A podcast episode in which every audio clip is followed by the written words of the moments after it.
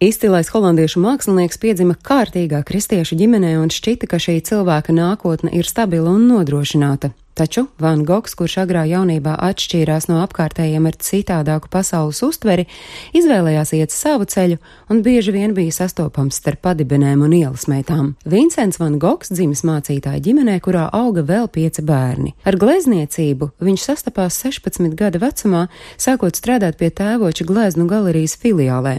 Un iespējams, ja Van Gogs būtu palicis Nīderlandē, viņš visai drīz sāktu gleznot, bet dzīve lēma citādi, un viņu pārcēla darbā uz galerijas filiāli Londonā, bet pēc tam Parīzē. Prombūtnē no mājām jauneklis mocījās vientulībā, turklāt atraidītas pirmās mīlas jūtas, Van Gogam lika pievērsties reliģijai. Kad viņu atlaida no darba gleznu galerijā, viņš nolēma pievērsties evaņģēliem un kļūt par dieva kalpu studējot teoloģiju. Kļuvis par mācītāju, Vincents nokļuva Ogļraču pilsētiņā, kur dzīvojot precīzi ievērojot dieva vārdu, viņš pilnībā pārvērtās. Drēbes izdāļāja, pats ģērbās kartupeļu maisā, dzīvoja no nožēlojamā būdiņā guļot uz grīdas. Pārlieku centīgā sekošana Bībelē beidzās ar to, ka Vincentu Van Gogu atstādināja no mācītāja amata, un tas kalpoja kā iemesls pievērsties mākslai. Viņš kā noplucis misionārs iestājās Briseles Mākslas akadēmijā, taču drīz vien mācības pameta un glezniecību apguva pašmācības ceļā.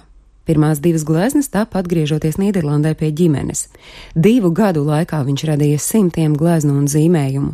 Kad nomira Van Goga tēvs, mākslinieks pameta Nīderlandi uz visiem laikiem un pārcēlās uz Parīzi, kur atkal gleznoja kā traks, bet pēc tam, kad neizdevās izveidot Parīzē mākslinieku brālību, kurā visi būtu vienādi un viss kopīgs, Van Gogs devās uz Francijas dienvidiem Provansu, kur dabas iedvesmots viņš turpināja gleznot.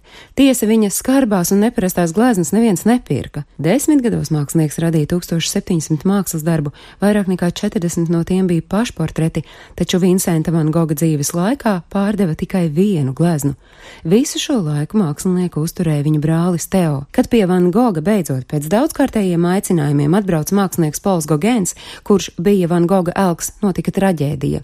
Divi mākslinieki ar tik dažādiem raksturiem kopā dzīvot nevarēja. Tas notika Ziemassvētku priekšvakarā pēc kārtējā strīda.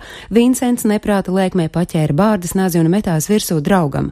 Gogēns brīnumainā kārtā izvairījās un izmutis no mājas patvērās viesnīcā. Savukārt Van Gogs, atrasdamies vājprāta varā, nogrieza sev kreisās auss ļipiņu, ietina to papīrā un uzdāvināja kopējai paziņai prostitūtai Rašelai. Mākslinieku atrada guļam bezsamaņā asins peļķē un nogādāja slimnīcā mājām. Pēc pāris dienām Van Gogs bija atlabis un viņu atlaida mājās, taču lēkmes turpinājās, un viņam slimnīcā bija jāatgriežas arvien biežāk. Lēkmes un mākslinieka neparastā uzvedība bija tā nobiedējusi apkārtējos, ka 1889. gada martā 30 Provansas pilsoņi parakstīja petīciju, kurā lūdza atbrīvot pilsētu no rudā neprāša. Tas bija brīdis, kad Van Gogs labprātīgi nolēma ārstēties psihiatriskajā slimnīcā, kur viņš varēja gleznot brīvā dabā medicīnas personāla uzraudzībā. 1889. gada beigās, mēģinot izdarīt pašnāvību, Van Gogs sēdās krāsu, taču viņu brīnumainā kārtā izglāba. Nākamā gada jūlijā mākslinieka trauslajai nervu sistēmai nāca pārbaudījums. Finansiālās grūtībās nonāca mākslinieka lielākais atbalstītājs brālis Teo. Tas bija 27. jūlija rīts, kad Van Gogs kā parasti devās laukā, lai gleznotu. Pēc neilga laika atgriezās mājās bāls kā krīts un paziņoja, ka sašāvis sevi ar pistoli, ko paslapus bija paņēmis līdzi.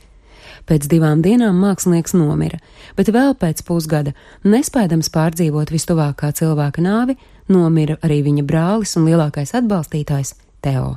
Stāstīja Agnese Drunka.